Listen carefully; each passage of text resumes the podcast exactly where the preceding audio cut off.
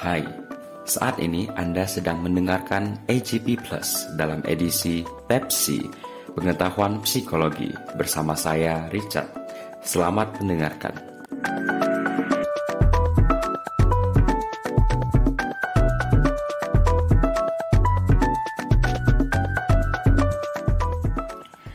Halo, semoga kamu selalu diberikan kesehatan dan kelancaran dalam beraktivitas. Kali ini aku mau bahas satu topik nih, yaitu tentang toxic positivity. Mungkin kamu sudah pernah dengar atau baca tentang istilah ini. Nah, singkatnya ini, analogikan aja kayak gini. Dalam kehidupan sehari-hari, pernah nggak sih kamu mengalami masalah atau konflik? Gini deh, andai kata kamu berhasil mendapatkan hati satu makhluk lain, katakan saja seorang pacar, tapi suatu hari kalian putus nih.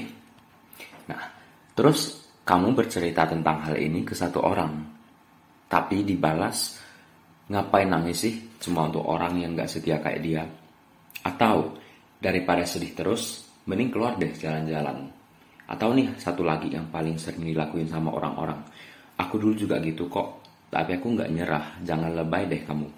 Nah, itulah toxic positivity ketika kamu cerita tentang masalah kamu, tapi malah nggak didengar, melainkan hanya muncul segelintir kata-kata ceramah yang kelihatannya positif, tapi ternyata itu beracun atau toksik.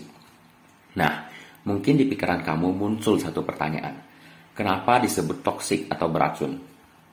Eh, kita ambil aja contoh yang tadi, yaitu kalimat ngapain nangis sih cuma untuk orang yang gak setia kayak dia.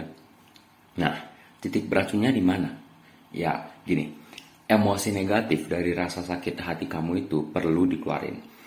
Ketika kamu mengeluarkan kesedihan, itu bisa membuat jiwa kamu menjadi lebih tenang. Jadi, wajar kalau kamu merasa sedih. Toh setiap orang juga pernah mengalami masa sulit masing-masing kan. Nah, kalau ada orang yang bilang, ngapain kamu sedih? Timbulnya bisa saja kamu merasa tidak disemangati. Bisa-bisa membuat kamu merasa tidak didukung. Nah, seseorang yang putus cinta itu perlu sandaran untuk berbagi kesedihan. Ngapain kamu sedih bisa membuat kamu merasa nggak nyaman kan? Nah, lalu ada lagi nih, daripada sedih terus, mending keluar jalan-jalan.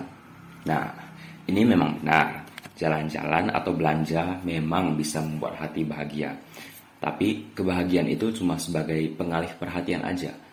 Habis kegiatan jalan-jalan atau belanja, ada kemungkinan kamu bisa bersedih lagi meratapi setiap hal yang terjadi.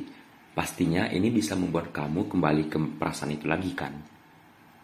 Nah, terus ada lagi nih satu yang mungkin sering dilakukan sama orang-orang.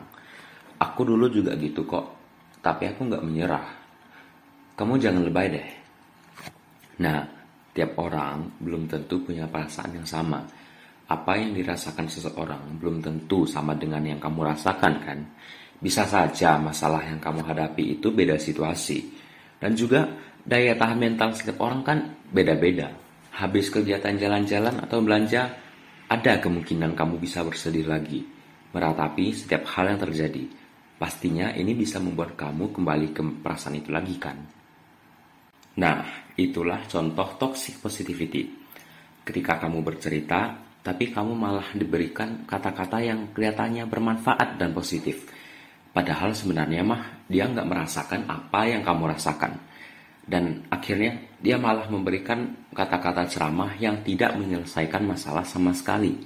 Atau bahkan bisa dibilang juga memperburuk perasaan kamu. Nah, sebagai gantinya, kalau kamu menjadi dia dan berada di posisi dia, lalu bertemu dengan orang-orang yang patah hati, tawarkanlah diri kamu untuk menjadi tempat curhat orang itu alih-alih malah berkomentar tentang pacarnya atau mungkin sikapnya untuk lari dari masalah itu. Atau bisa juga nih, kamu menanyakan apa yang bisa kamu lakukan untuk membantu orang itu. Nah, dengan begitu, setidaknya bisa aja kan orang itu menjadi lebih lega. Nah, itulah pembahasan tentang toxic positivity hari ini.